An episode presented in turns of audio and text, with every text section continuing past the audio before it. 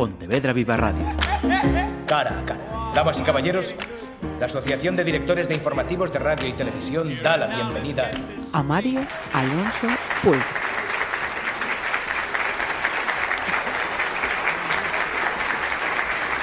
Voy a hacer un brevísimo resumen, unas referencias del invitado a este cara a cara. Mario Alonso Puig es eh, médico, especialista en cirugía general y cirugía digestiva. Imparte charlas sobre liderazgo, gestión de incertidumbre, estrés, creatividad, bienestar, salud, felicidad. Y todo esto no lo debe hacer nada mal teniendo en cuenta que en su haber, además de otros eh, galardones, tiene el premio al mejor comunicador en salud.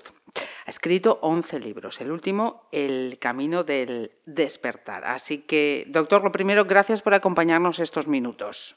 Muchas gracias por la invitación, muchas gracias. El Camino del Despertar, podemos eh, decir que es un libro de, mm, de autodescubrimiento y de ayuda para transformarnos mm, de forma positiva y beneficiosa?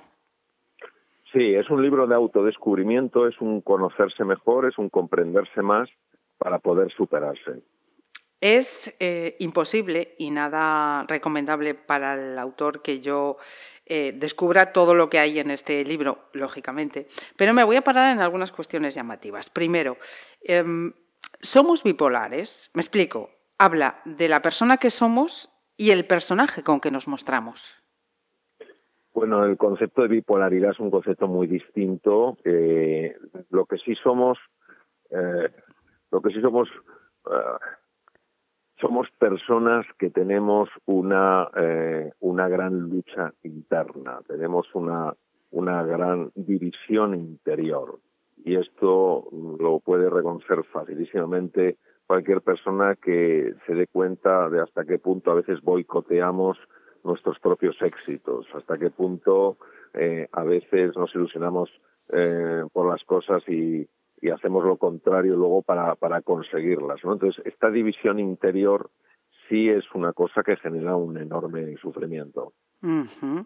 Leyendo el camino del despertar piensas, em, pero qué infravalorado está el tubo digestivo. Doctor, ¿Cómo explicamos la relación entre tubo digestivo e incidencia de Alzheimer, Parkinson, cáncer, depresión, ansiedad o, enfermedades cardiovasculares? Claro, eh, eh, el tubo digestivo eh, siempre lo habíamos considerado de enorme importancia a la hora de procesar los alimentos para que tengamos los nutrientes necesarios sencillamente para poder vivir nuestro metabolismo, nuestra producción de energía. Lo que pasa es que no nos habíamos dado cuenta de una dimensión de una importancia excepcional y es la dimensión, eh, digamos, más en el campo de la neurociencia. Y de hecho fue un gran eh, gastroenterólogo, el profesor Gershon, de la Universidad de Columbia de Nueva York, que lo descubrió, que es que es además de eso, de, esa, de ese sistema para procesar los alimentos y absorber los nutrientes, es un cerebro en sí.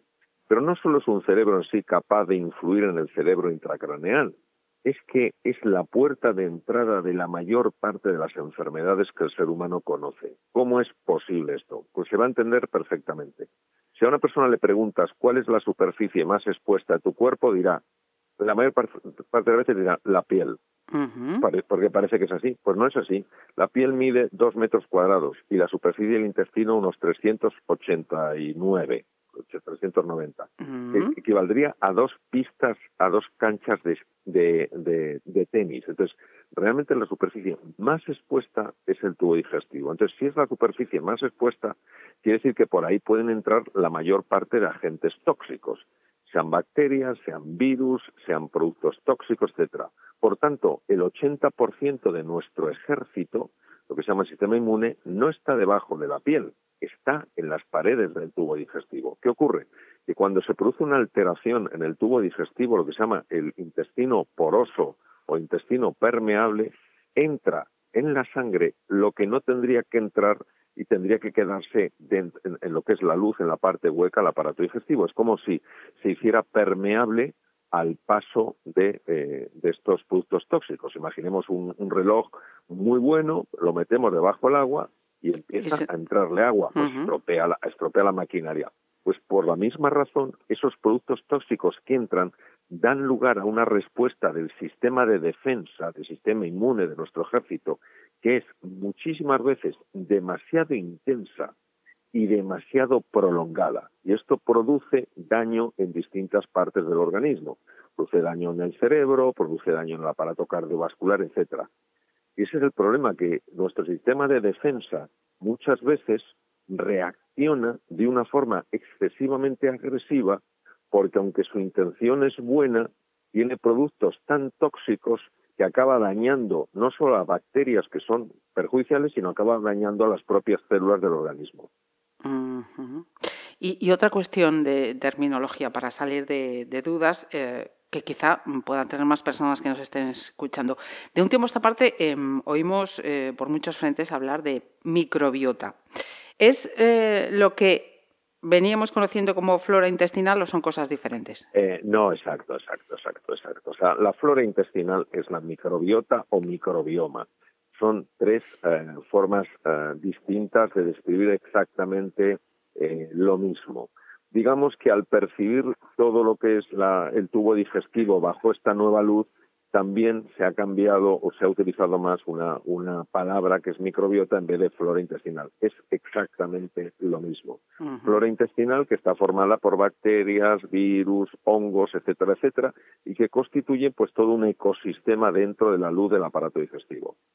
Otro aspecto de este libro, meditación. ¿Es un hábito, práctica que usted nos recomienda sí o sí?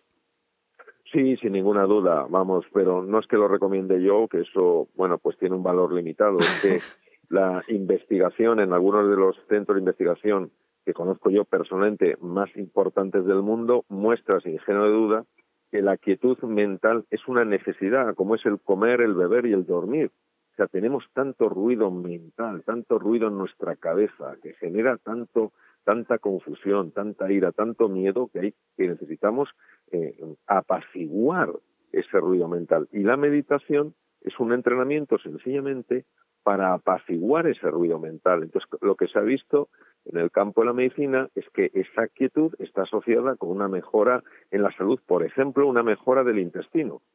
De hecho, eh, mejora eh, cuadros autoinmunes cuadros que tienen que ver con, enfermedades muy relacionadas con el intestino permeable. ¿Por qué? Porque la meditación está muy asociada con eh, la activación de un nervio se llama el nervio vago, que es un protector natural del, tubo digestivo. Ajá. Y, otra cuestión que también nos llama la atención el doctor en este, en este libro, la importancia de cómo nos hablamos y hablamos a los demás.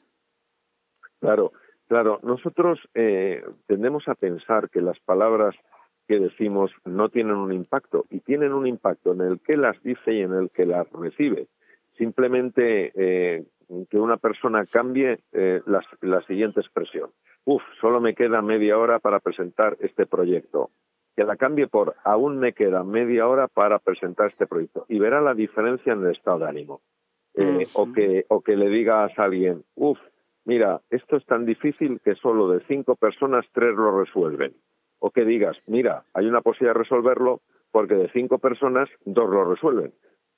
Estamos diciendo lo mismo, pero usamos palabras diferentes. ¿Y por qué las palabras tienen tanto impacto? Las palabras son como las cerezas. Las cerezas van de dos en dos.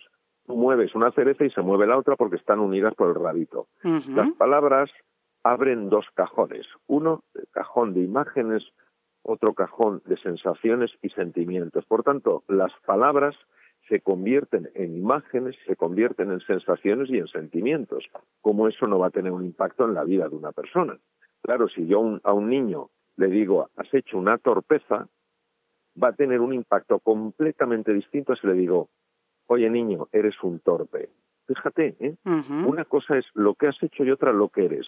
El impacto en lo primero es, bueno, he, hecho, he cometido una torpeza, pero en lo otro es, yo soy torpe. Y si yo soy torpe, un torpe que puede hacer solo puede hacer torpezas.